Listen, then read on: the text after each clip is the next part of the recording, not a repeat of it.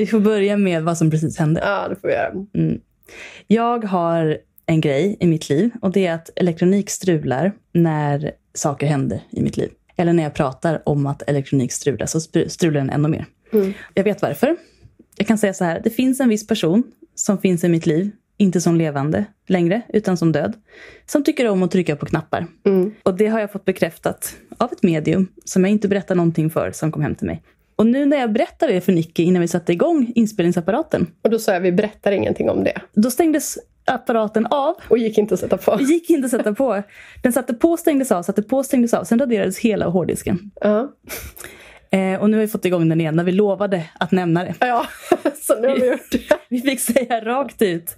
Okej, okay, vi lovar att nämna det här. Du är här i rummet och det är okej. Okay. Du är en bra person. Jag älskar dig.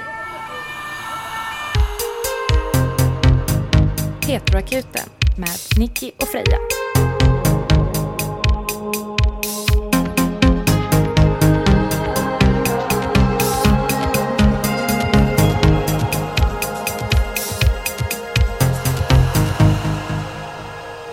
Välkomna till ett nytt, helt ovanligt avsnitt av Heteroakuten.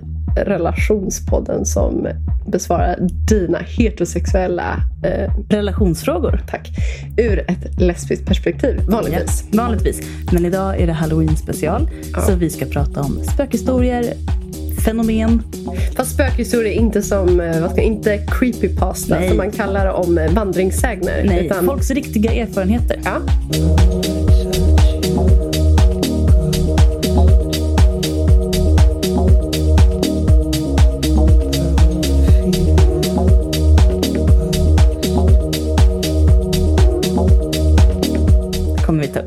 Yes. Och ni fick ju en ganska stark här. I alla fall stark för mig. Och mm. Micke har ju varit med om det nu. In, ja, stark inledning. Jag tyckte mm. det var lite roligt.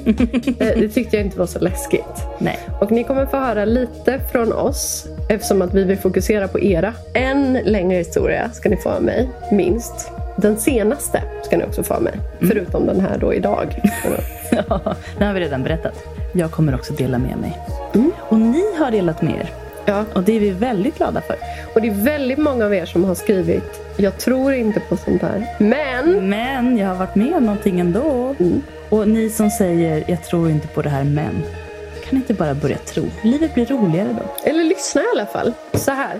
Jag tror på det folk säger.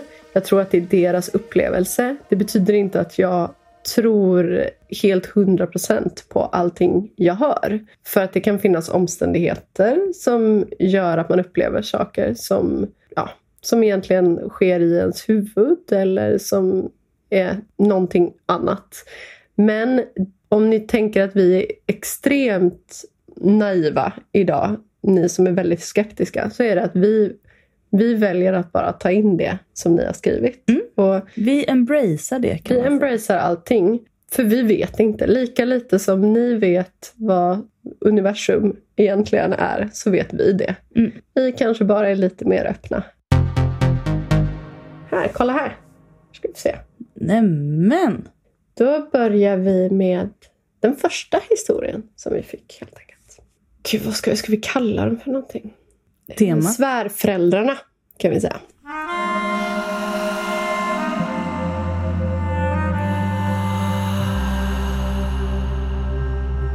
Jag och min man sitter med svärföräldrarna i deras vardagsrum och ser på TV. De tre små barnen sover på ovanvåningen. När ett av dem springer med snabba steg över golvet flyger jag upp för att förhindra att hen ramlar ner för den hala trappan. Väl uppe i gästrummet de sover som stockar alla tre. Samtliga vuxna hörde barnet som sprang. Punkt, punkt, punkt. Alltså det är ett gammalt hus ute på landet. På den tiden de hade hund vägrade han att gå ut i tvättstugan. Jag har också upplevt obehag där, som att någon inte vill att jag ska vara där. Och jag tror inte på spöken. Men det var 100% ett barn som sprang där uppe. Små snabba steg liksom. Och det var inte ett av mina. Sen fick vi ett till mail av samma person. Mm. Gud, vet du vad jag kom på nu? När mina svärföräldrar flyttade in sa svärmors mamma Här har jag steget av små barnfötter. Inom parentes, de var runt 30 och barnlösa. Så redan då hördes det tydligen. Mm. Och sen ska. Och för att förtydliga då tidigare delen. De såg inget barn. Alla Nej. låg och sov. Ja, Ja, Men- de hade hört någonting de väldigt såg, tydligt. ja, de hörde att det sprang på ovanvåningen. Mm. Och tydligen hade ju då eh, svärföräldrarnas mamma också hört det 30 år tidigare. Mm. När de hade köpt det här stället. Mm. Och sen frågade jag om tvättstugan ifall det var något, hade varit något där innan. För jag tänkte att en tvättstuga är nog ändå förhållandevis ny. Och då skrev eh, personen att den var ganska nytillbyggd, kanske 70-tal. Så det borde inte vara något särskilt. De som bodde i huset tidigare var inte med om något traumatiskt. Mm. Men samtidigt så behöver det inte vara att det var någonting just tvättstugan. Det kan ju varit på platsen Mm. där tvättstugan är tillbyggd. Just det. Vad folk har varit med om för trauma, det vet man ju ganska sällan. Nej, och även om det är i släkten så är det inte alla som berättar allt. Det här Det behöver inte det. vara trauma, det kan ju tvärtom. Det kan ju vara något glatt också. Ja, det kan vara, här brukar vi springa och leka. Vi pratade om det lite innan, att jag kan se lite såna här saker som ett återkommande läte. Som de här barnfötterna som springer uppe. Att det är lite som ett fotografi. Ett minne från platsen. Det är mycket barnfötter som har sprungit där uppe, fram och tillbaka. Mm. Och eh, då kan det liksom cementeras i platsen. Alltså jag tänker om någon hade berättat, tänk på 1500-talet, 1600-talet, att någonting som ett fotografi, skulle, att man skulle kunna frysa tiden i en bild. Mm. Det hade ju verkat extremt övernaturligt. Och det här tänker jag är en sån nat- Ja. naturlig övernaturlighet på något Mm. sätt. Och folk tyckte ju att fotografier var väldigt övernaturligt när det kom. Jag tycker fortfarande det, om jag tänker på det så är det lite svindlande. Ja, det är det faktiskt. Det är ganska häftigt. Mm. Och att man fortfarande inte kan liksom kapsla in doftupplevelser, platser. Att man inte bara kan fotografera av det och dofta på det. Det vill man ju väldigt gärna. Mm. Så om vi nu börjar med den här tanken att alla Mm. platser har ett minne i rummet. Mm. Och en energi, för om man tänker, vad, Mm. det fick man ju lära sig, det kommer ju till och med jag ihåg när man var liten. Mm. Att energi kan aldrig försvinna, det kan bara omvandlas. Och därför så finns ju väldigt mycket energi på jorden av folk som har levt Ja. och folk som kanske har avlidit snabbt. Jag tänker också hur många barn som dog förr i tiden. Ja, Alltså, som inte uppnådde vuxen ålder. Bara en sån grej. Verkligen. Och för att tillägga så vet vi ju människor inte, alltså vi har ju inte kännedom om all typ av energi som finns i världen. Vi kan inte uppfatta allt med våra sinnen. Vi kan inte mäta allt. Det finns väldigt mycket som vi föreställer oss finns där, men som vi inte riktigt har tillgång till än. Mm, Och om vi har med oss det i det här poddavsnittet mm. så kanske vi är lite mer öppensinnade. Även om du inte tror stenhårt, tro heller inte stenhårt åt andra hållet. Nej. Att Om hundra år kanske de sätter sig och lyssnar på det här och tänker ha ha ha att de inte fattat att det var det här som vi nu har klurat ut vetenskapligt. Mm. Som eh, väldigt mycket. Bakterier var ju till exempel också någonting man tyckte var en skröna. Ja, de kan man ju inte se där, det tror jag inte på. Atomer kan man inte heller se. Nej, men de finns där. Ska vi gå vidare till nästa direkt? Ja, vi har så många här så... Mm. Ja, vi ska ta för någon. Knackade det Ja, precis? nu, men det var nog uppe tror jag. Alltså, det är mycket som händer. Ja, det är mycket som det låter. lät som att det knackade på dörren. Idag kan allt hända. Yes. Okej, nästa lyssnarhistoria. Då kallar jag den för Tågincidenten. Mm.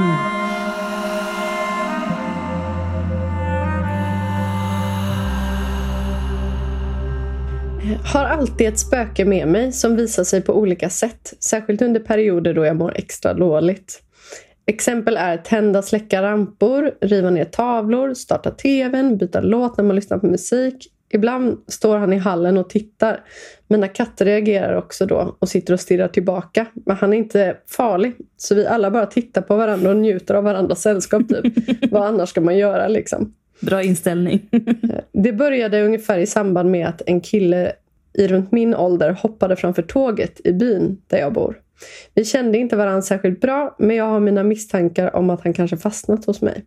Han var bästa vän med en av mina nuvarande vänner. Han var alltid glad och snäll och ingen i hans närhet kunde tro att han skulle göra något sånt tyvärr. Han lämnade aldrig något brev eller någonting, så anledningen till att han gjorde det är ett mysterium för alla. Jag har funderat på att kontakta något medium och ta reda på om det verkligen är han, men svårt när man inte vet vilka som är på riktigt och vilka som är hittepå. Undrar om personen känner den igen honom?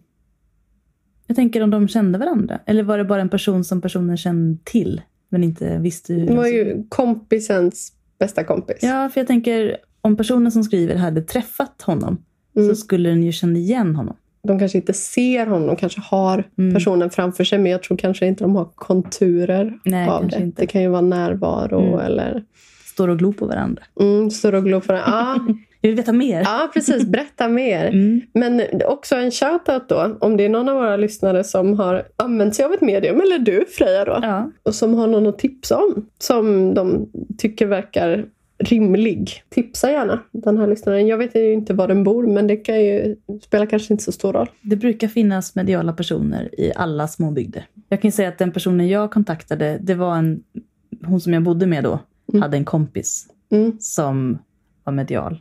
Men som inte tog betalt och inte på något sätt ville jobba med det. Men hon gick med på att komma och känna av. Gud vad spännande. Mm, och Ja. då litar jag mer på hennes känsla. För hon Mm. behövde inte leverera för att få pengar. Mm. Skönt att personen som skriver inte är rädd. Mm. Jag har ju varit väldigt, jag gillar inte riktigt ordet medial. Va, vad säger man? Mottaglig. Mm. Jag har varit väldigt, väldigt mottaglig. Men jag har ju blivit så fruktansvärt rädd. Så att jag lyckades stänga av det.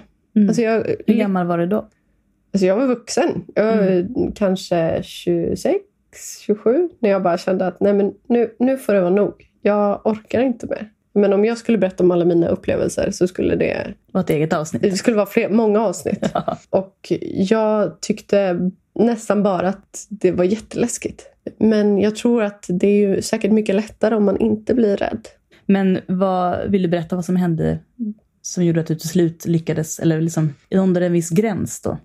Jag tror också att det var en viss typ av energi. Jag, jag, tror, jag tror att, nej men en viss energi alltså, som jag kunde förmedla. Ah. Sen har det hänt saker sedan dess, men som, där jag inte har varit rädd i stunden. Om jag bara ska säga en snabb grej så var det till exempel när jag hade en kompis som var inneboende hos mig och hon hade varit ute sent på kvällen.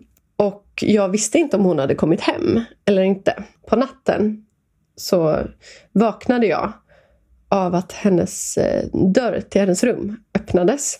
Den lät ganska mycket och min toadörr lät också mycket. Den, och att hon stormade ut ur det. Och jag tänkte så här, men gud hon kan väl ta det lite lugnt när jag ligger och sover. Eller liksom. Mm. Och sen så gick hon in i badrummet, ja, men typ gick på toa, eller så lät och skramlade i köket. Och, så här. och sen så gick hon tillbaka och sov. Och sen så på morgonen så bara var hon inte där. Och då skickade jag ett sms och bara, vadå jobbar du idag? Mm. Men, men jag sa ju att jag inte skulle jobba. Jag var ju ute igår. Jag bara, men du, du var ju hemma i natt. Har du gått igen? Mm. Och hon bara, nej men jag har inte varit hemma. Mm. Och då var det ju liksom, jag var ju inte rädd i stunden då. För jag tänkte ju bara att det var hon och att hon var jävligt oförsiktig. Men då kände du, nu är det nog. Ja, nej, då hade jag redan tänkt att det var nog. Så Ja. det var något annat Okej. som hände. Men Mm. det är väldigt få grejer som har hänt sen Ja. dess. Som man tänker på hur ofta saker hände innan. Mm. Jag kan ju säga att jag har ju bott i ett hus som har varit väldigt eh, aktivt. Mm. Lång historia kort, så flyttade vi in i ett hus där en man hade skjutit sig. Och kvinnan, Visste änkan ni då, om det? Vi visste det. Mm. Och änkan flyttade därifrån. Och vi flyttade liksom in direkt efter att det här hände. Wow, modigt. Ja, det var modigt. Och jag vet att min mamma, hej mamma, jag vet att du lyssnar. Hej mamma. Min mamma var ju orolig för det här såklart. Och gick runt varje liten meter på trädgården, vad jag förstått, och i huset. Och försökte driva ut honom och säga, du är inte välkommen här, du ska inte vara här. Mm. Och jag upplevde det ganska, ja, det kändes som en ganska trygg plats när jag flyttade dit. Men det var grejer. Vi skaffade en hund. Och när man gick ut med henne, henne så ville hon inte gå på vissa platser på trädgården. Mm. Och jag kände själv, jag visste inte varför jag stannade, men jag stannade alltid framför hans gamla arbetsbod. Han var typ lite av en uppfinnar-Jocke. Han satt där och fixade och pysslade. Och där brukade han sitta och uppfinna grejer och bygga ihop olika grejer och sådär. Eh, och vi hade byggt en koja precis bredvid det huset. Och så fort man var ensam där så kändes det bara fel. Mm. När man gick förbi där med hunden så ville hon alltid ta en omväg runt buskaget så att hon inte gick nära huset. När man skulle gå från vägen ovanför huset, förbi det huset, ner på tomten, så ville hon också gå en annan väg. Var det liksom kvar grejer där inne från när han hade bott där? Eller hade gjort Lite, om vi hade rens, rensat ut det mesta. Mm. Men eh, det var ändå ganska bevarat. Många saker hände runt i huset. Mm. Och många saker hände när jag var ensam hemma.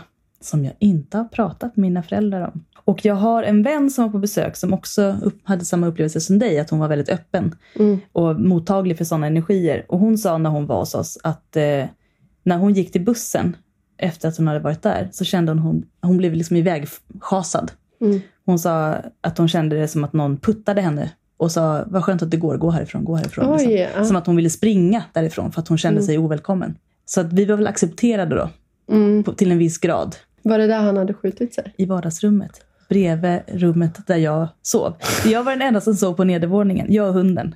Och de andra sov på övervåningen. Jag hörde ju saker i vardagsrummet också, det gjorde jag. Och det var inte bara honom jag hörde, jag hörde även spår av annat.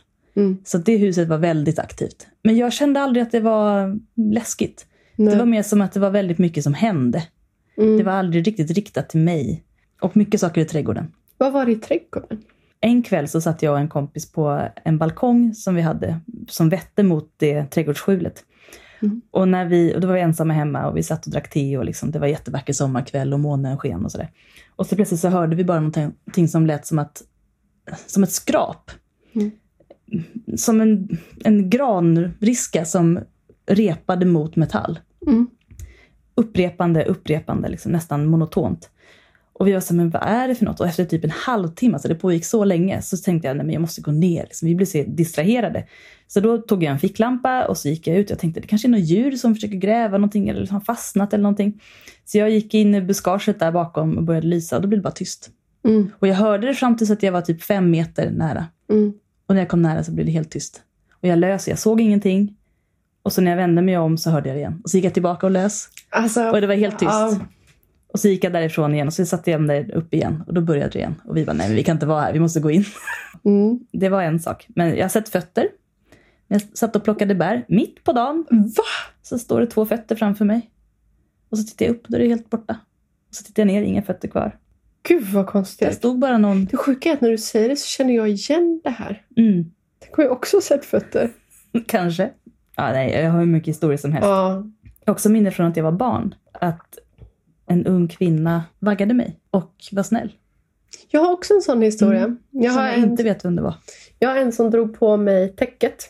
Mm, Jag, hade, jag sparkade alltid av mig täcket när jag var liten. Alltid. Och jag sov mellan mina föräldrar på Mm. mitt landställe. Och sen så var det morgon och jag hade knappt öppnat ögonen än. Och då hade jag, frös jag. Och sen helt plötsligt är det någon som liksom lägger över mig och stoppar om mig. Och så tittar jag upp för att se om det var mamma eller pappa. Och det var ingen där. De var ute i trädgården. Mm. Liksom. Och då tänkte jag ändå att okej, men då var det en, någon snäll person Någon annan som snäll stoppade person. om mig. Man har ju ingen sån kritisk blick när man är barn. Man accepterar allt som händer på något sätt. Ja, det hände ganska mycket samma dag. Så till slut var jag så här, Mitt piano satte på så jag började spela när jag stod och bredde en macka och jag bara, jag borde bli rädd nu. Okej, jag blir rädd. Jag blir rädd nu. Jag bestämmer mig för att bli Ja. rädd. det var så mycket där som bara följde efter mig. Liksom. Oj, Jag kan ändå ställa mig lite mer, alltså när man är så himla liten så vet jag inte riktigt om jag litar riktigt Nej. på mig själv. För att jag Det är det vet också, är- jag lyssnade på en väldigt spännande dokumentär Mm. om hur hjärnan funkar. Och då sa de att fram tills att man, jag tror att det var typ åtta eller nio, så är det naturligt för ett barn att ha hallucinationer. Mm. För att hjärnan utvecklas med en så snabb... en så, Hastighet. ja, Mm. så att den hinner inte riktigt med egentligen. Så det är väldigt lätt att man liksom inbillar sig att man ser saker och hör Mm. saker och att saker händer runt en. Man ser saker som inte finns på riktigt. Men däremot så har det ju absolut hänt saker efter det också. Ja. Jag ska bara ropa. Hej älskling! Okej, nu ska du få läsa en helt annan typ av historia Freja. Eken. Historia nummer tre. Det växte en ek utanför ett av fönstren i mitt barndomshem. En dag när jag var liten var jag sjuk och hemma från skolan. Jag satt och betraktade eken och jag bestämde mig för att prata med den. Jag förstod att träd inte svarar på tilltal, för att allt som är värt ett svar kan man känna inom sig på något märkligt sätt. Jag kände in eken inom mig och den sa att den var döende. Jag frågade varför? Du ser ju frisk ut. Och den svarade ja det gör jag, men jag stryps och det går långsamt. Och i takt med att jag falnar så kommer du att blomma. Jag kommer ge min kraft till dig när jag dör. Men det är upp till dig om du kan finna den. Mycket riktigt började eken se sjuk ut och risig med åren. Ingen förstod varför. Sen en dag när jag blivit en ung kvinna kom en arborist till oss. Står En arborist. som eh, beskär träd. Och jag frågade varför eken dör. Då svarade arboristen att eken stryps för att någon fyllt upp jord kring stammen för länge sedan. Till slut dog eken. Den blev så sjuk att de nya ägarna tog ner den. Och kraften har jag precis hittat ena änden av. Väldigt spännande slut Wow. där också. Vilken fin berättelse. Ja, jättefin. Kan en ek strypas av att man lägger på för mycket jord? Har vi någon arborist här? Som, Ja, det vill jag gärna känna till. ja. Men vilken fin berättelse och sorglig. Men det där med träd, det känner jag igen. Har du haft ett träd som du pratar med? Nej, men jag läste om en kvinna som var kär i ett träd och gick och, hade sex med trädet. Och de blev ihop. Eh, I, ett, I en bok med sexuella avvikelser som jag Mm. var väldigt besatt av. Jag hade ju träd... Det var inte samma Nej,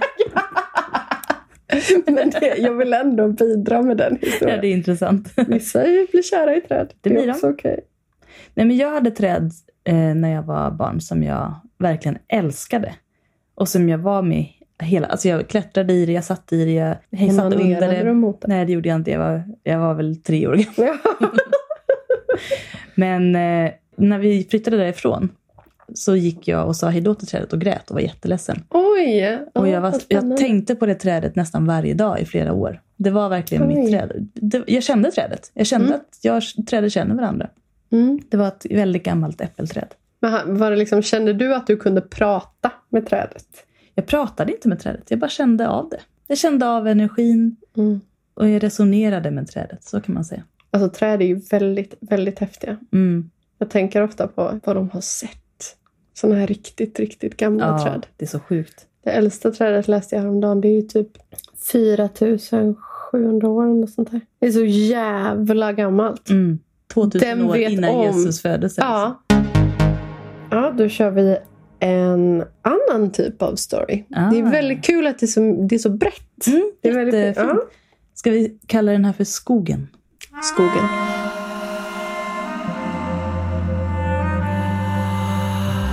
Jag bor i skogen i Blekinge och jobbar med att träna hästar. Kan säga att det finns mycket väsen och varelser i skogen. De lite mer känsliga hästarna har ibland svårt att slappna av i skogen. Jag ser mycket i ögonvrån, fast jag är rätt okänslig när det gäller väsen och spöken generellt. De känsliga hästarna ser också mycket, det märks på dem.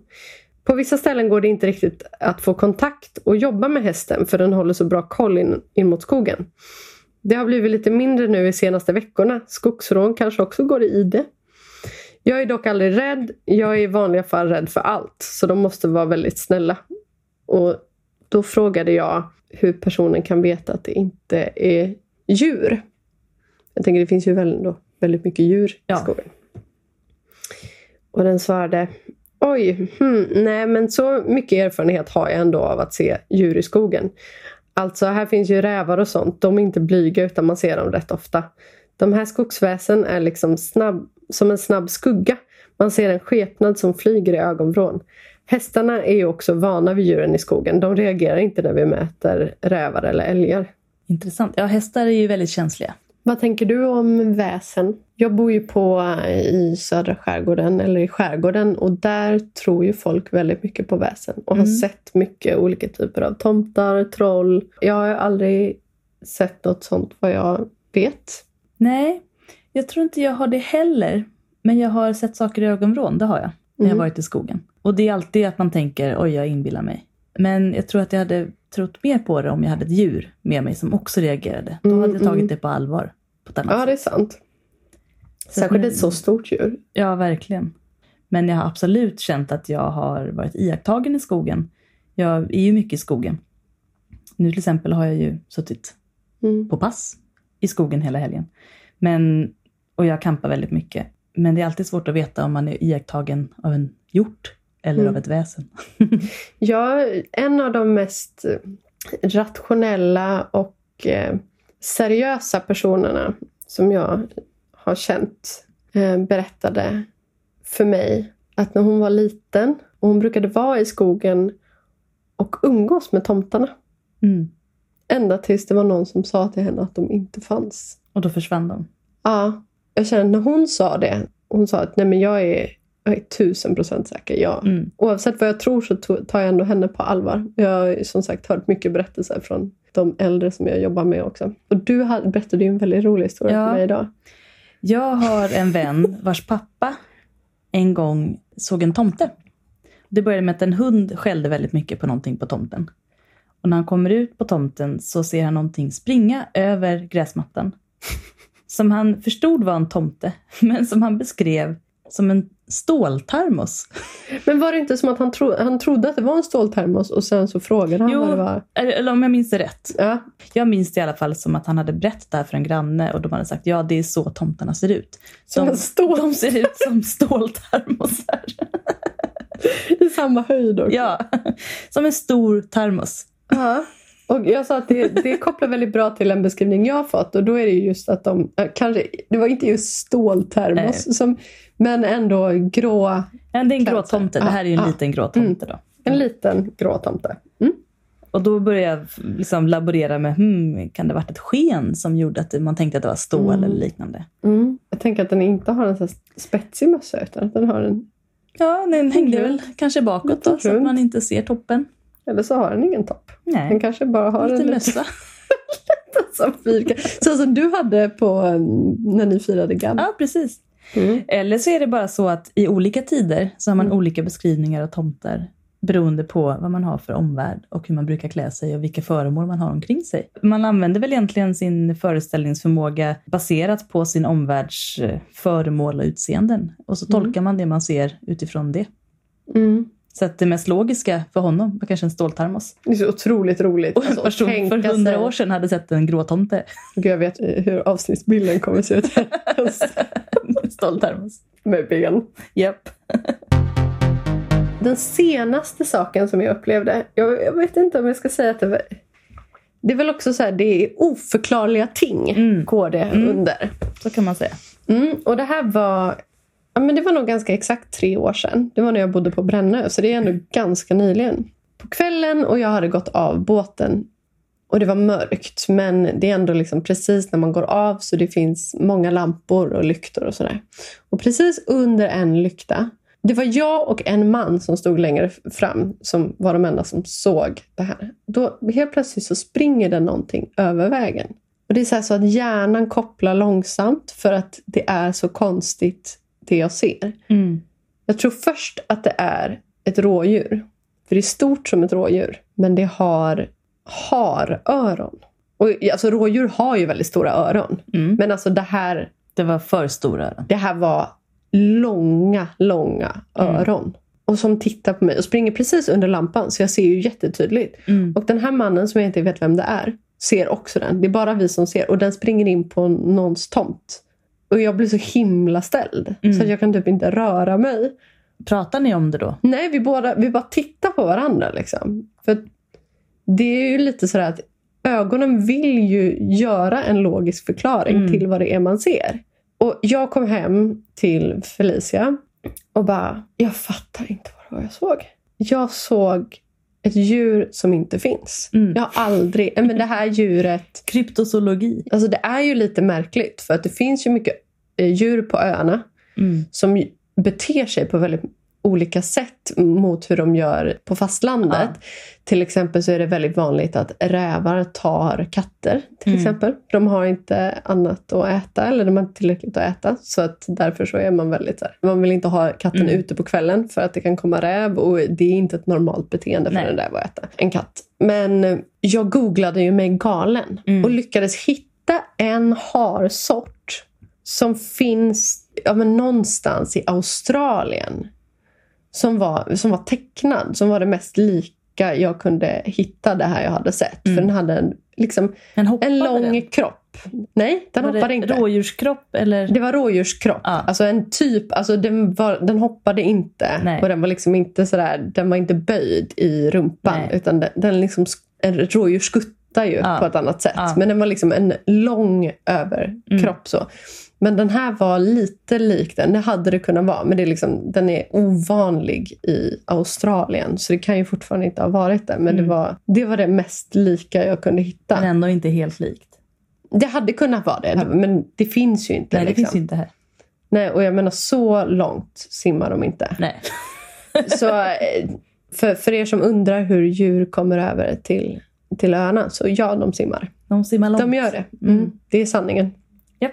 Eh, men eh, nej, det här är så konstigt. Ett mysterium. Mm. Och jag har sagt det till Felicia nu också, så här, att hade jag inte sagt det till dig direkt när jag hade kommit hem så hade jag ju förmodligen fått för mig att jag Ja. hade inbillat mig eller någonting. Mm. Jag undrar verkligen vad den här personen var. Så jag var verkligen så här, ska jag skriva det i, Ja, i gruppen? men samtidigt bara, jag vill inte verka, man vill inte verka helt gal, Nej. skogstokig Du, när man vi bor på en såg en liten... tokig sak. Vi såg ett konstigt djur som inte finns. Säg att det var sant. Ja, det är så märkligt. Så en hybrid Mm. var det.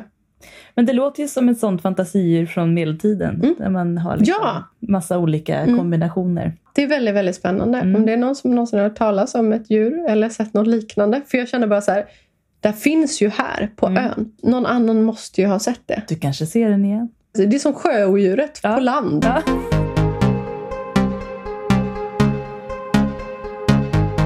Då kommer eh, monstret, kallar vi den här för. Monstret.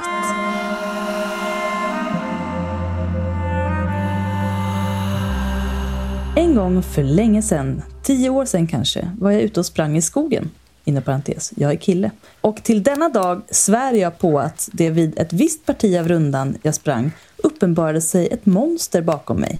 Enormt, kanske 10-15 meter högt.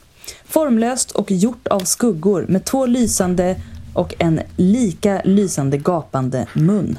Två lysande ögon. Ja, det måste vara. Det var som att det stod bakom, bland och framför träden samtidigt. Jag har aldrig varit så rädd i hela mitt liv. Det fanns ingen genväg att ta hem, utan det var bara att kuta tills jag kom fram till friluftsgården där jag hade börjat. Jag sneglade bakåt hela tiden och det var som att det bara stod kvar och tittade på mig. När jag hade rundat ett krön kunde jag inte se det längre, men jag kände verkligen att det stod kvar. Sen dess har jag varit tillbaka på samma plats massor med gånger. Hur Kväll- vågar du det? Ja, undrar man. verkligen. Varför, varför?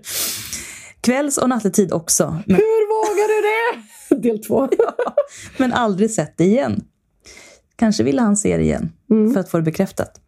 Dessutom har jag inte berättat det här för någon annan. Och jag håller mig gärna anonym tack, självklart.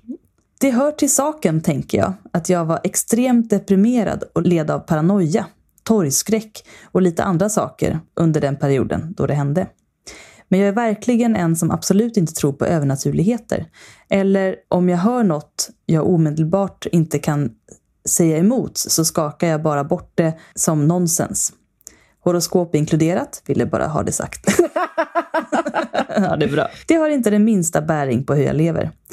Alla konstiga saker som hänt mig och andra har jag ändå kunnat förklara eller motivera, i alla fall för mig själv. Men just det här monstret i skogen har jag bara accepterat. Ni kan också få att stoppet jag haft i duschen magiskt löst sig av sig själv för några dagar sedan. Det är lite på samma nivå. Well.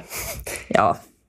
Jag stod i duschen och duschade då och såg hur det som vanligt fylldes upp med vatten och så sa det liksom slurp och så rann vattnet ner som det borde. Det är skönt att spökena löser problem åt en ibland. Väldigt bra. Jag skulle säga att proppen bara slank ner.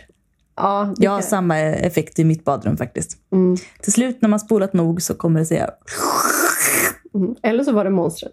det kan vara monstret. Mm. Jag väljer att Men- tro på monstret mer. Mm. Men väldigt spännande. Verkligen. Vilken otroligt läskig sak att vara med om. Oavsett orsak. Bara att ha den upplevelsen. Fy fan vad läskigt. Ja, alltså jag vet inte om du hade någon typ av medicinering då eller sådär. Så jag har upplevt att när jag har påbörjat en ny medicinering att jag väldigt lätt har sett skuggor. Att jag typ har hoppat till för att jag plötsligt... Det var någon gång som jag började skratta efter ett tag för att jag i ögonvrån såg jag ett lejon som kastade sig över mig. Då hade jag precis påbörjat en ny medicin. Men alltså det, det går ju över väldigt, väldigt fort. Det är inte som att det, eller i, i mitt fall har det varit så, att jag också fattar Det här kanske är en helt omedicinerad person. Jo, men, men det är det jag menar, att det är en stor skillnad för att man kan se, för att han ändå ville ge det en koppling till att han var paranoid och sånt där. Och självklart kan det ha det, men jag tänker att så pass länge att han var tvungen att springa klart hela rundan och fortfarande såg det här. Det Kände det i alla fall. ja, men och såg de här ögonen och munnen och liksom hade det hela Mm. tiden. Det känns ändå som att Ja, det känns inte som att det är en naturlig förklaring att man har torgskräck. Det är inte någonting i ögonvrån liksom, som plötsligt Precis. försvinner. Utan det här var någonting som hängde i Mm. länge. Fan, man måste ha kubbat på väg hem alltså. Ja. Hur vågade du gå i skogen nattetid? Varför du Varför tillbaka? går man i skogen nattetid? Jag har gått i skogen typ kvälls nattetid när jag skulle spela in ett nattskogsljud till en film. Det har hänt. Men jag hade inte gått ut och sprungit nattetid om jag hade haft ett enormt 10-15 meter stort monster som sprungit bakom mig vid Nej, tidigare gå tillbaka till samma ställe på natten. Nej, det hade jag aldrig vågat. Hur vågade du det? Var det för att du var ville- så bestämd på att Ah. det här tror jag inte på? Antagligen, jag, jag tolkar det så. Mm. Alltså, man vill nästan bevisa för sig själv att det inte finns kvar och det är skönt Mm. då. Man vill ju ändå inte bli skrämd från en plats, man vill kunna äga den på något sätt. Mm. Om det är en plats man vill återbesöka.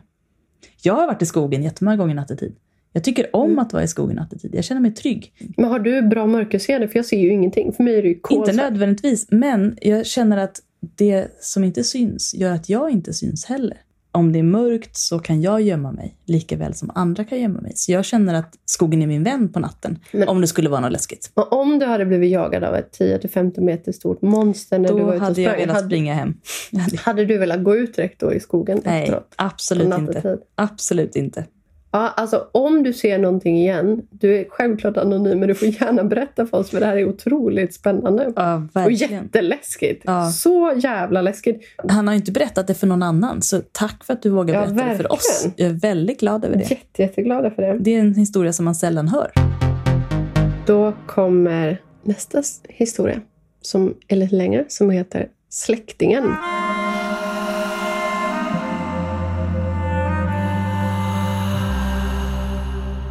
Hade en intensiv period av konstiga saker som hände när jag var 15.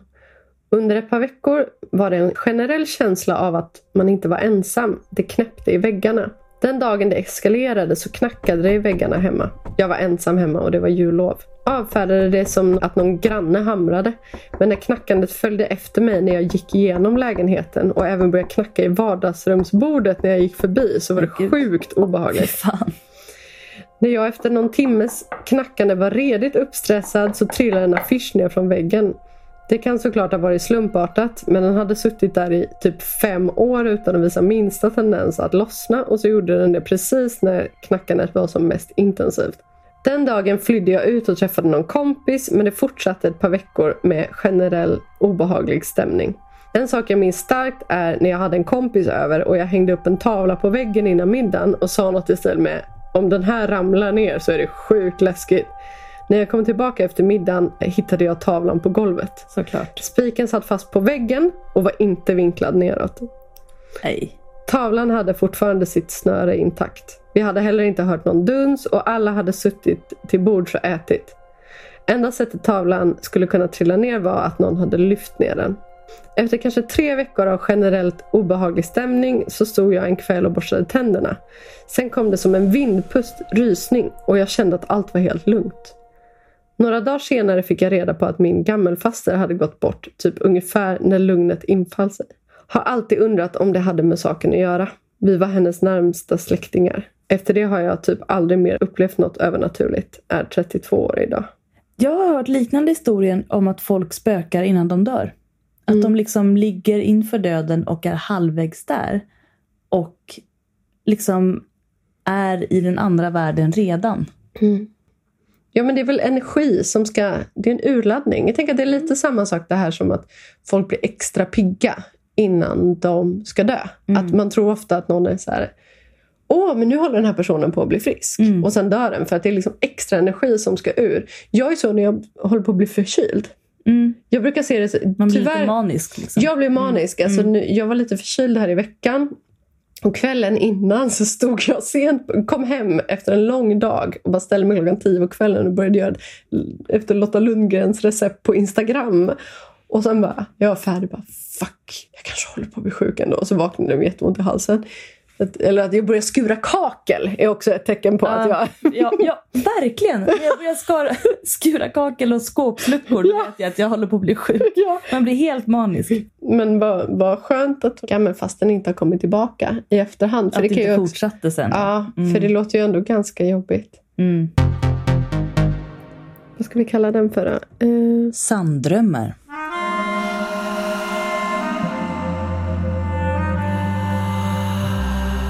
Apropå på sanddrömmar och intuition. Jag drömmer ibland saker som jag inte alls förstår när jag vaknar.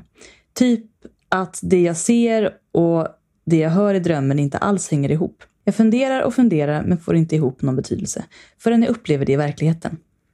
Till exempel så såg jag ett speciellt staket i drömmen och hörde prat om ränder och färger. Ett tag senare satt jag i bilen med en kompis, tittade ut och såg staketet samtidigt som kompisen pratade om sin hunds teckning i pälsen. Så kul. Känns som en stark déjà vu, men med tydliga minnen av hur jag funderat på det innan. Det är så spännande. Alltså jag känner igen mig jättemycket i det. Men jag tycker också att det är så spännande för det känns ju verkligen som ett typiskt tecken på att, att tiden inte är linjär. Ja. Det finns ju faktiskt vetenskapliga Mm. bevis på att det är människan som har bestämt att tiden är linjär. Så att livet liksom börjar på noll och slutar på hundra. Mm. Eller liksom att tiden fortsätter så. Men att det faktiskt kan vara lite åt både åt andra Ja, många säger att tiden, allt sker samtidigt. mm, Precis, och, Och att det är det- väldigt intressant. Att det är vårt medvetande som väljer en kronologisk ordning. Mm, Och att vi kan röra oss i den. mm. Har man med sig det så är det inte här alls konstigt. Nej, precis. Det är lite som matte. Ja. Och knäcka i hjärnan faktiskt. Japp, verkligen. Och sen från samma person, en till. Mm. Intuition. Pratade med min pappa om min dåvarande boendesituation och berättade att jag var orolig för vad som skulle hända om min roomie som stod kvar på kontraktet flyttade. Pappa frågade om det fanns något som tydde på att det skulle hända. Det fanns inte, men jag hade en stark känsla. Några dagar senare berättade min roomie att hen tänkte flytta och skriva över kontraktet på mig. Och grattis! Mm. Såklart kan jag ha plockat upp något omedvetet. Men det var inget som var konkret nog att sätta ord på. Så kan det ha varit intuition. Ja, det låter det som. Fast samtidigt så var du ju orolig vad som skulle hända om personen flyttade. Men om den skrev över kontraktet på dig så var det ju tvärtom Då behövde du inte vara för. orolig. Men intuitionen kanske inte handlar om ska jag få kontraktet Nej. eller inte, utan mer jag har en känsla av att någonting kommer förändras här. Det, så, sånt där har jag känt många gånger. Mm. Jag kan ju säga, jag nämner inga namn alls. Jag har en person som var med om någonting väldigt tragiskt, men klarade det. Och natten samtidigt som det hände så drömde jag exakt det som hände. Mm. Och vaknade upp och fick reda på att det hade hänt. Ni som vet, ni vet att när man drömmer en sån dröm så känns det inte som en vanlig dröm. Nej. Det känns som någonting helt annat. Mm. Det känns som att man har varit med om någonting. Man vaknar inte ett dugg utvilad, utan man, man har gjort något. Man har varit någonstans. Och man har ett starkt minne som man kan ta på, på ett helt annat sätt. Och det finns ju många som drömmer sanndrömmar väldigt regelbundet. Jag skickar ut det här till våra lyssnare om ni känner igen det här. Jag kommer inte att berätta det här nu. Jag kan göra det ifall ni inte har hört det. Jag minns inte om jag berättade för jag drömde ju om Utöja ett par dagar innan det hände. Breiviks skjutning på Utöja. Eh, drömde om det och var ju helt skakad i ett par dagar och sen hände det. Men jag kan berätta mer om det ifall jag inte har berättat om det tidigare men jag kommer inte ihåg om jag gjort det. Så att jag säger ingenting om det nu. Det får vara framtiden i så fall. Mm, det ser vi fram emot i så fall. Ja, det så? Du kommer inte heller ihåg om jag har kommer sagt inte heller ihåg. Det är mycket nu. Jag funderar på om vi ska berätta våra stories nu. Eller Vi ska har ju vi... berättat så mycket redan. Mm, Jag har en. Du har en. Jag tänkte berätta min läskigaste. Ta den. Sätter jag mig till rätta. Ja.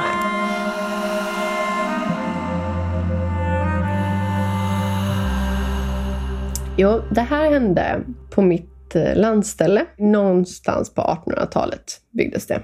Ofta så heter ju gårdarna efter någon person som har bott där. Mm. Och vårt kallas för slaktansch.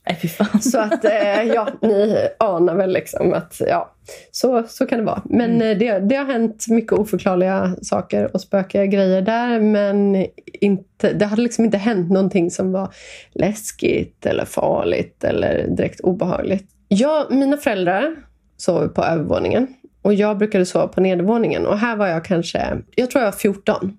Det vill säga, min hjärna kan inte längre ha naturliga hallucinationer. Just so you know. Ja. Ja, jag sov i en bäddfåtölj på nedervåningen. Och jag brukade alltid läsa innan jag somnade. Och varje gång som jag släckte lampan efter jag hade läst så blev jag alltid livrädd. Utan att det var något som hade hänt. Alltså det var ingenting speciellt men varje gång jag släckte så vände jag mig in mot väggen och skakade av rädsla. Och liksom somnade i den känslan. Usch. Och så var det så en annan kväll som jag hade läst någonting. Gjorde likadant. Släckte lampan, vände mot väggen, drog täcket över huvudet. Alltså jag hade precis släckt när jag hör ett brak i köket. Typ som att allt i skafferiet ramlar ner. Mm. Innan jag knappt hinner tänka klart och, och fråga mig vad det var för någonting så hör jag att någon går vid min säng. Hur ska man beskriva det? Liksom, min, sängen står mot väggen Mm. men liksom går på, ja, runt fram och tillbaka. Och andas så här. Och liksom Åh, trampar argt med skor liksom, Mm. runt. Och jag låg ju redan och skakade så jag fortsatte ju ligga och skaka. Jag tittade absolut inte efter. Nej. Det var inte hello. Vem är där? Eller, utan jag fattade också inte hur personen kunde vara alldeles nyss i köket och sen gå, och liksom verkligen gå runt och andas ilsket. Och helt plötsligt så stannar personen vid huvudändan. Fortsätter trampa ett tag. Från att liksom, om man tänker att det här var i huvudhöjd liksom, på en person som står upp. Så böjer det sig längre och längre ner. Fan. tills personen står och andas. Och slutar trampa, men står och andas i mitt öra. Och bara fortsätter.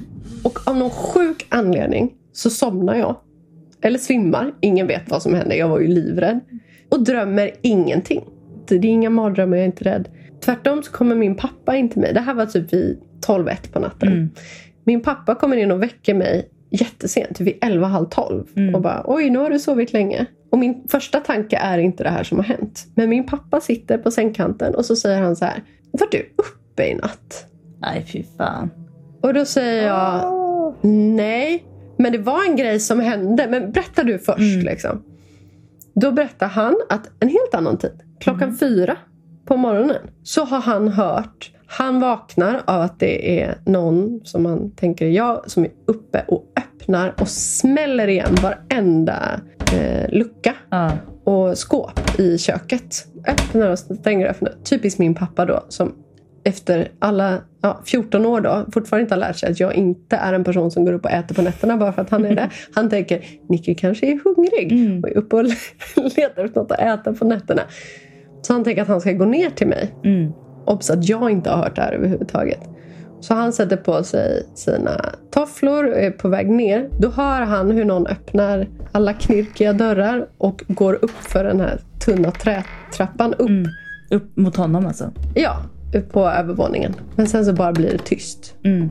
Och det händer ingenting mer. Och han ser inte dig. Han går och lägger sig. När han tänker så här, "Men hon kommer väl snart. Så bara, nej fan. Och jag har ju inte hört det här och jag berättade nej, jag har inte varit uppe mitt på natten. Men så berättade jag vad som hade hänt mig och han sa jag tror ju inte på sånt här egentligen. Men det så, så vi började fråga runt bland grannar vilka som har bott där. Vi har liksom ingen koll på vilka som har bott där. Och, alltså jag fick ingen, jag ska verkligen inte säga som att åh det här fick en så spännande upplösning för det fick det verkligen inte. Utan det enda min granne kunde komma på det var att en man som var, för jag frågade om det var någon som hade varit arg i huset. Hon sa att det var en man som skulle sälja huset som var så himla arg på att en viss byrå skulle slängas eller flyttas från huset. Ingen aning varför man blir arg om man själv ska flytta. Att ska grannen vet att man är arg Från- för att en ja. byrå ska flyttas Ja. från huset. Det är Ja. också konstigt. Jättemärkligt. Ja. Ingen vidare förklaring på det. Nej. Men han var i alla fall väldigt upprörd att den skulle flyttas från huset. Och då sa jag, men den står ju där. För den står kvar. Den står Mm. fortfarande kvar. Eh, Så att jag tänkte, okej, det är allt vi har att gå på. Mm. Så jag ropade i köket att, men skåpet står ju där! och kände mig jättelöjlig. Ja, du ja, ja. behöver inte vara arg. Och jag, jag skulle kunna säga att det inte har hänt någonting sedan dess. Men i själva verket kan jag säga att jag har inte sovit i den sängen sedan dess. När jag var Nej, 14 år. slaktan kommer att ta dig. Ja men fatta. Det är så jä... alltså, Just också både jag och min pappa upplevde. Ja. Fast olika saker, olika tider. För det som jag såg på morgonen som jag inte tänkte ut på då på natten. Det var att där den här personen, mannen som det lät som. Stod vid min huvudända. Där kan man inte stå för där är en inbyggd garderob. Mm. Mm. Men det gjorde han. Det är också sådana saker som gör att jag inte har varit intresserad av att fortsätta vara mottaglig. För att det var jävligt läskigt för en 14-åring att vara med om. Kan. Såklart.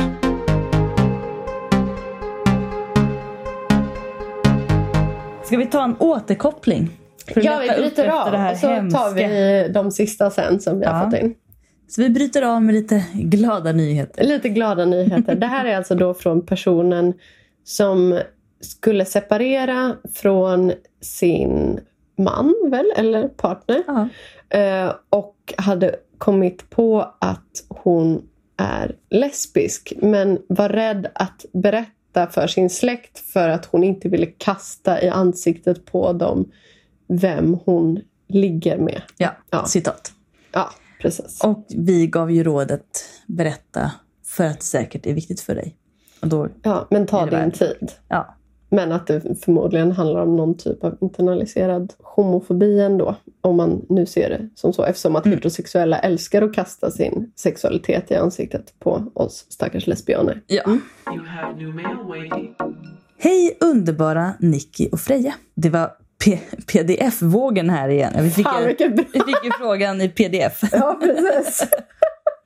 Jag ville bara skriva till er och tacka och berätta för er hur det har gått. Vad ni är fina! Tusen tack för att ni tog er tid att läsa mitt långa, långa brev och sen för att ni också svarade så utförligt och omsorgsfullt i podden. Det var uppmuntrande för mig att få höra alla era tankar och hur ni vände och vred på saker och ting.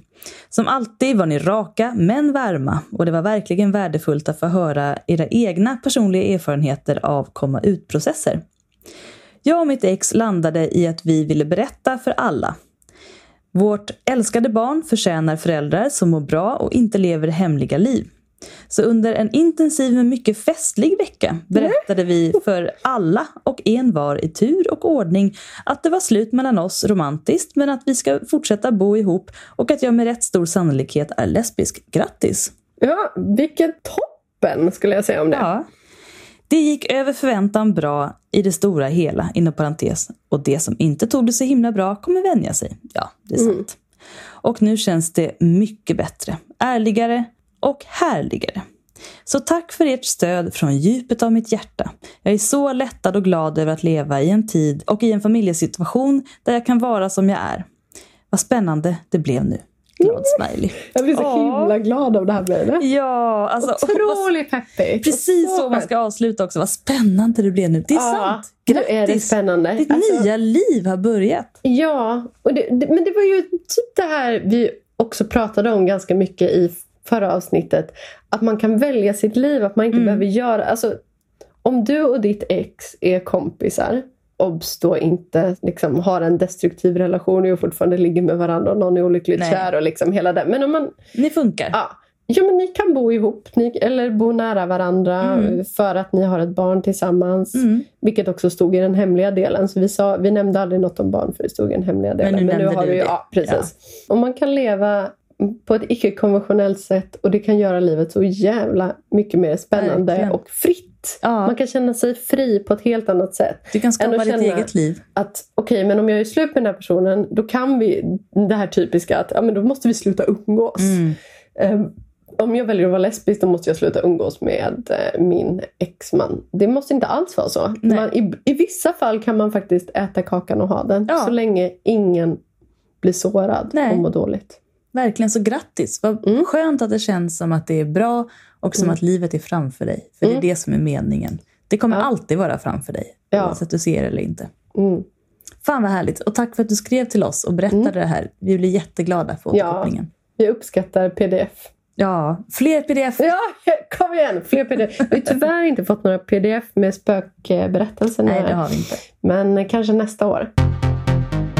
Men eh, ska vi läsa den som var på mejlen kanske? Ja, det kan vi göra. Vi får kalla den här för TVn.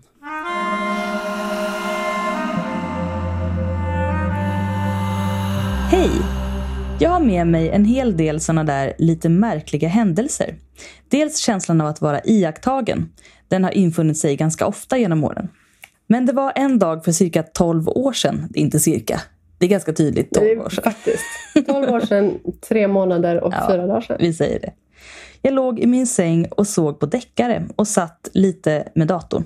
Jag hade en tv-modell tjock och ovanpå, relate, ovanpå stod en snitslad träfigur jag köpt på en bröllopsresa drygt ett år tidigare. Också relate på snira träfigurer på tvn. Jag vet inte varför.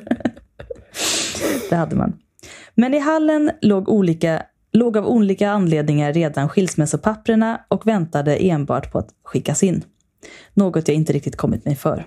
Plötsligt så är det som att någon ställer sig bredvid träfiguren och smäller till den med full styrka. För den flyger cirka två meter genom luften och landar på golvet. Jag blev dock inte rädd, utan tog det som en uppmaning att ta tag i det där skilsmässopapperna. Kul att du inte blev rädd, utan tänkte att det är säkert en symbol för att jag ska Otroligt bra. inte alls rädd av det. Så jag sa det bara rakt ut. Ja, jag ska ta tag i det. Ja, bra, du fattade vinken. Jag kollade givetvis om fläkten på något vis skulle kunnat skjuta iväg figuren, men hur jag än placerade den så kunde inte vinden nå den. Det enda som gjorde att jag fick den till samma punkt den landat var att stå bakom och smälla till den med handflatan. Det var bra att du tog tag i det, men vem var den här personen som verkligen ville att du skulle skicka in skilsmässopapperna då? Jag, jag, Var det träfiguren? jag tolkar det som att du kanske inte har gjort träfiguren själv. Kanske är det en träfigur Men var det som inte är den som de hade köpt på en bröllopsresa? bröllopsresa. Just det, det är sant. Ja. Okej, men så här. Träfiguren var kopplad till bröllop. Det är sant. Den hade en stark koppling till symboliken runt giftermål. Och den var då en symbol för bröllop eller skilsmässa. Och någon som du har med dig bestämde sig för att nu är det fan dags att ta tag i det här. Och gav då med hela handflatan en smäll åt träfiguren som symboliserade skilsmässan, eller äktenskapet då, att nu är det dags att göra slut på det. Mm. Spännande. Någon som du har med dig tyckte att det är dags att göra slag i saken. Det här låter ju lite som Maxins historia som hon berättade med den här Just mobilen som bara hade Just flugit iväg typ två meter. Det var konstigt. När, när kunden hade armarna under det här eh, skynket Ja. som man har när man sitter och är hos frisören. Ah, shit. Ja, det var också det här fl- flygandet. Mm. Flygande Mm. saker. Vi var ju med om det idag. Ja, det var vi. Innan tekniken började strula så ramlade saker i min hall. Mm. Och det är inte första gången ska jag säga. Nej, det var verkligen... Jag trodde faktiskt att din tjej kom hem Jag då. tror också det, för det var en sån hård duns. Skor står stadigt på skohyllan, eller hur? Mm, vanligtvis, ja. Vanligtvis, men en sko flög ner. Vi går till nästa. ja. Det är samma person då som har gett ett helt gäng här. Ja. Mm. Ett gäng av två. Mm. Jag var gravid och i det läget var jag och min numera man inte gifta. Jag tolkar det då som att hon pratar om sin nuvarande man. Mm, den som hon inte har skickat in skilsmässopapper med. Precis. Mm. Vi bodde över i hans brors hus och när vi låg och skulle sova kände jag ett stort hat gentemot mig. Jättemärklig känsla. Som att någon där inne ville att jag inte skulle vara där. Fick nästa dag veta att vi sovit i min svägerskas morfars rum. Och han var både konservativ och väldigt sträng. Så att vara gravid med en citationstecken oäkting var nog inte så populärt. I samma hus kände både jag och min man vid ett tidigare tillfälle en stark doft i ett annat rum när vi skulle sova. Det var massa med folk och ingen annan kände doften. Tyckte nog att vi var konstiga. Men det var väl antagligen morfaderns aftershave eller så vi kände då. Även då var jag gravid med samma barn för övrigt. Och detta barn visade sig själv vara väldigt medial med åren. Så det var nog därför jag var så mycket mer medial än vanligt under just den graviditeten. Intressant Oh, iakttagelse. Spännande. Du hade liksom en kanal i magen. Men jag tänker också... Jag läser bara igenom det här slarvigt innan för att det är lite spännande att läsa det mer noggrant i podden. Men då Mm. kopplade jag det till att... Eller då läste jag att du hade känt dig mer medial för att du var gravid. Och det tyckte jag kändes som en rimlig sak. Mm. Alltså jag tänker att man, har, man är så otroligt känslig som gravid. Det är mycket hormoner i kroppen. Hjärnan uppgraderas rent eh, liksom fysiskt. Den ut, byts ut på många sätt. Ja, man, man är väl väldigt liksom känslig för intryck på Mm. olika sätt. Precis som kanske när man är tonåring. Att det är väldigt lätt att öva upp den förmågan då. När man, man är som mest känslig. Det Mm. Jag vill är också ganska- veta vad ditt barn har varit med om. Mm, verkligen! Ja, Vi är ju ändå anonyma så kan du inte hänga ut ditt barn lite till oss? Snälla. snälla, snälla. snälla. Nej, men det, det är så intressant för ofta får man ju veta berättelser som folk berättar när de är vuxna om vad som hände när de var barn. Men att höra barns berättelser när de fortfarande är barn Mm. Eller någon som återberättar en sån berättelse, är ju väldigt spännande. För då har man inte lagt till några så här ursäktande detaljer av det var säkert det här, eller det beror nog på det här. Utan eh, det är bara rent liksom. En iakttagelse. Ja, äh, mina föräldrar fick ju höra lite från mig när jag var liten. Att Mm. jag till exempel försökte få dem att stanna vid ett hus. För jag ville leka med barnen i det huset för att jag hade lekt med dem. Mm. Och att det var ett övergivet hus. Som jag... Nicky, du kanske borde öva upp det här. Ja. Och få liksom lite mer kontroll över det. ja, men jag vill inte ha något steg vid sängen. Det är läskigt. Ja, Men jag, kan, jag. jag ser gärna fler. Om du hör mig här, det här sjöodjuret på land. Ja, Landodjuret landodjur. med långa öron. Mhm. Så kan du komma tillbaka till mig. Mm. För det var bara väldigt, väldigt knarkigt. Det kändes liksom som att jag hade tagit någon... Ja, jag har aldrig tagit LSD. Eh, Frejas mamma som lyssnar. Det är sant. Det har inte jag heller. Det är så väldigt märkligt när man ser någonting och inte förstår vad man ser. Alltså lite Mm. som... Man får en chock. Det är lite som om man ser en olycka som händer. eller Mm. någonting. Att hjärnan försöker göra om det till att man inte ser det man ser. Mm. För att det är för jobbigt att ta in på något sätt, eller konstigt liksom. Men jag har en historia, en liten kort, Mm. att berätta. Det här är egentligen inte så läskigt, men mer ett mysterium i mitt liv som alltid har varit med mig. Mm. Och den in, innefattar faktiskt min mamma. Jag Mm. vet inte om hon minns det. Din mamma? Japp. En, jag var alltid ute i skogen när jag var barn. Jag var alltid ute och lekte själv i skogen. Och eh, jag kände till varje liten kulle och varje liten sten, varje litet träd. Det här låter som en, typ alla böcker jag läser den tiden. Ja, men Freja är alla böcker jag läst senaste tiden. varsågod. Tack. Och jag, jag tror inte så många andra kände skogarna så väl som jag, förutom alla, Alla barn. som har skrivit böcker Ja. då som jag har läst. Kanske inte samma skogar, men andra skogar. Och en eftermiddag var jag ute, precis när det började skymma, liksom sen höst. Det blir ganska tidigt mörkt. Mm. Och ett ställe där jag brukade vara på, det var liksom mellan två ängar. Plötsligt så var en äng annorlunda. Det var en kulle på ängen. Och den var avlång. Och den sträckte sig, det var liksom som en ås kan man säga, som gick in mot skogen. Mm. Och på den här åsen så växte det en häck. Och häcken hade som en tunnel i sig. Mhm. Och någon typ av energi eller någonting lockade på mig att gå dit. Och jag gick in i häcken och kände att jag var... Gick in i häcken! Nej, så det här är sexuellt Och egentligen. det var en tunnel Ja. och det var alldeles brunt och mörkt. Förlåt. Avbrott för heteroakuten snusk. Nej, men jag känner att jag var bland vänner. Ja. Men jag såg ingen. Jag såg ingen alls. Men jag Men kände... gick, hur stor var den här Alltså den var, häcken? om jag skulle tolka ur ett vuxet perspektiv, kanske en och en halv meter hög. Mm. Och Och hur var det där liksom, hålet då? Men det var liksom, du vet en rhododendronbuske? Att den är helt tät på utsidan så kan man gå in och se det liksom öppet inuti. Ja, Så var det. Siv, min katt, har en egen rhododendronbuske där hon ligger. Så var det. Och jag gick in där. Jag vet precis att jag gick liksom till höger om åsen, upp i ett hål till vänster i häcken. Och så gick jag, så gick jag ner igen och så gick jag upp. Och så var det liksom, det var bara spännande. häcken. Och det ledde ingenstans. Ja. Men jag kände att jag var bland vänner.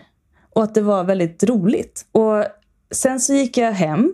Och sen så berättade jag för mamma att jag har sett en häck och att man kunde gå in i den. Att det var liksom ett... Att det var liksom som... Hon orolig?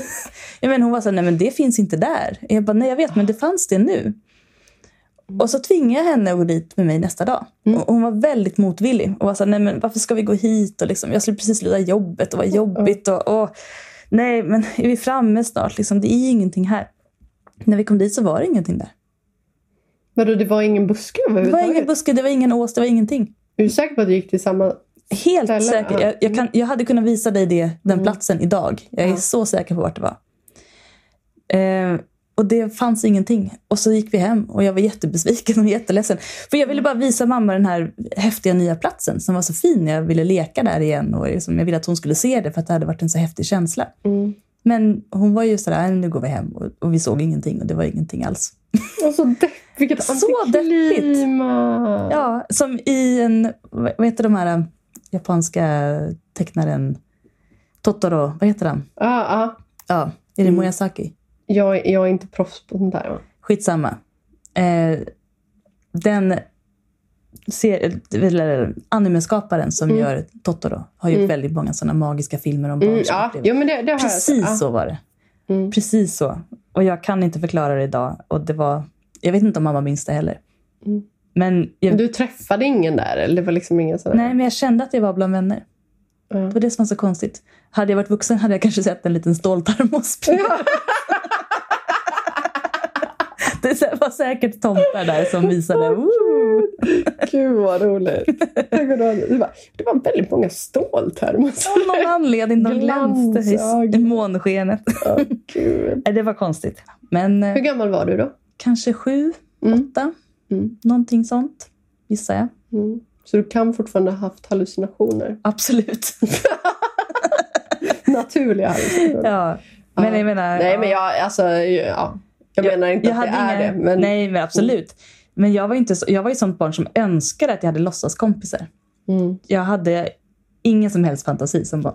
Jag lekte liksom bara med saker framför mig. Jag kunde Mm. inte säga det här är det här, Nej, det här jag, är jag det var här. likadan. Nej, utan jag, jag, här är en spade, nu ska Mm. jag gräva.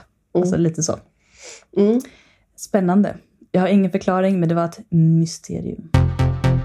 Nej, jag bara tänkte på en liten sak som också är bland det lesbiskaste. Lesbiskaste? Nej, det är det inte. Det är det absolut inte. Jag bodde tillsammans med en kompis. Jag är väldigt ledsen över att hon inte har skickat in några av hennes spökupplevelser för de är helt jävla sjuka. Mm. Eh, fy på dig, det får du göra en annan gång. Men jag bodde i alla fall tillsammans med henne när, när jag flyttade hemifrån. Eh, vi delade lägenhet. Och hon tog ju med sig så jävla mycket spöken hemifrån Mm. hennes barndomshem. Alltså, de, det, de var bara med henne. ja, alltså de var in, när hon flyttade så försvann de. Men alltså, de var där hela tiden. Och det höll på. Då hade jag varit inne i badrummet och så tänkte jag, när jag gick ut därifrån, så tänkte jag, jag brukar aldrig stänga dörren till badrummet. Varför gör jag inte det? Ska jag göra nu? Så jag stängde badrumsdörren. Och då knackade tre gånger på dörren inifrån. Knack. Alltså verkligen. Jag höll på att dö. Jag var själv hemma. Precis när jag hade stängt den. Jag, blev så, jag backade långsamt. Jag vågade liksom inte. Fy fan. Och så ringde jag min dåvarande tjej och bara, jag stängde precis dörren. Det knackade tre gånger och hon trodde absolut inte på någonting. Så att det var väldigt jobbigt. Jag var i upplösningstillstånd. Hon fick ju prata med mig medan jag vågade inte sli- slita blicken från dörren. Så jag liksom klädde av mig och la mig i sängen och stängde dörren och bara liksom vågade inte röra mig från rummet Mm. förrän dagen efter. Det var så jävla läskigt. Usch. Är- det ska vi gå till nästa. Ja, vi har en, en kvar här. Den är, den är inte så läskig. Bu. Bu. Ja, men det kan vara skönt att avsluta Ja, med vi något som inte är pissläskigt. Också.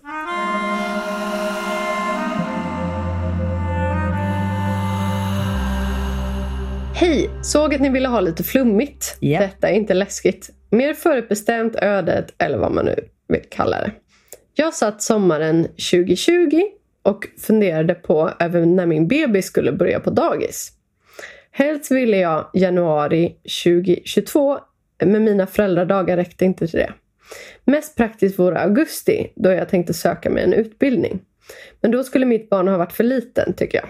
Så efter mycket velande och räknande på föräldradagar bestämde jag november 2021. Jag sätter mig sju månader senare, det är mycket datum här nu, eh, i februari 2021 och kollar vilka utbildningar jag har möjlighet att söka på mitt nuvarande betyg. Eh, då med starten eh, hösten 2021. Jag hittade några intressanta som jag söker. Den ena tilltalade mig lite extra. Inte alls ett yrke jag tidigare haft i tanken. Kom in på denna efter urvalsprov. Start är dessutom i mitten av november, lagom till att min lilla bebis är inskolad och klar på dagis. Så allt löste sig perfekt. Mm. Ja, men de flesta utbildningar brukar ju börja i augusti. Mm. Men då var det ju att just den här visade sig börja i november. Mm. Mm. Du ser, det var meningen. God timing. det God var timing. meningen. Grattis till det. Mm. Det är väl en jättebra sista berättelse för att Mm. visa att allt med intuition och övernaturlighet och drömmar och så vidare inte behöver vara negativt. Det är väldigt brett det här med oförklarliga Fenomen. ting. Ja, Och om man är extra uppmärksam så kommer man kanske känna in mycket mer och Om man vågar lita på det så tror jag att det Mm. kan leda till goda saker. Mm. Jag vet att jag någon gång citerade Björn Nattiko Lindegren. Tro inte på allt du tänker. Det är också viktigt. Mm. Att inte alltid luras av ens rädslor. Mm. Att det är intuition. Att min magkänsla säger det här. Det Men att det kan också rädsla. vara din rädsla Mm. säger det. Du är rädd att det kommer vara så här. Och det betyder inte att det är din intuition. Magkänslan är lurig alltså. Ja. Magkänslan är väldigt ofta någonting man har tänkt på väldigt länge och byggt upp en känsla runt. Mm. Men intuition är någonting annat. Mm.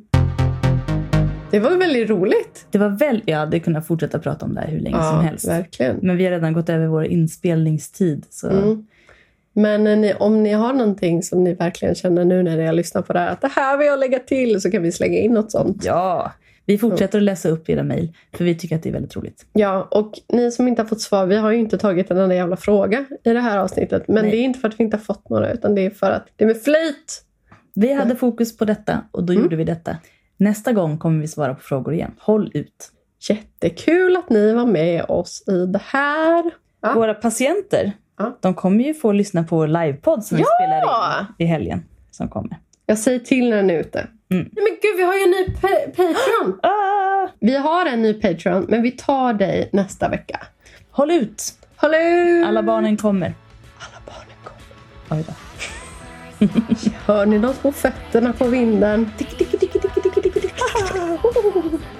Då säger vi tack för idag. Kul! Tack för idag! Slut för idag! Puss och kram! Will